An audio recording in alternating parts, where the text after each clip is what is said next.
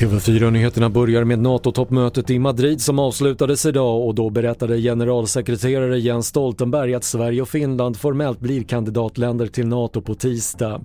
Han säger att beslutet togs igår men att anslutningsprotokollet formellt skrivs under nästa vecka. En 12-årig pojke misstänks ha utsatts för mordförsök i Skellefteå. En 16-årig pojke har anhållits.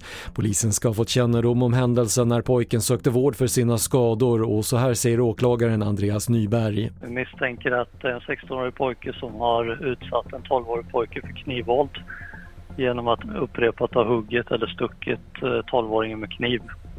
Det är brott som vi misstänker har skett inomhus och eh, vad utredningen hittills har visat och utredningen är ju ett tidigt skede men det är att de båda pojkarna känner till varandra sedan tidigare.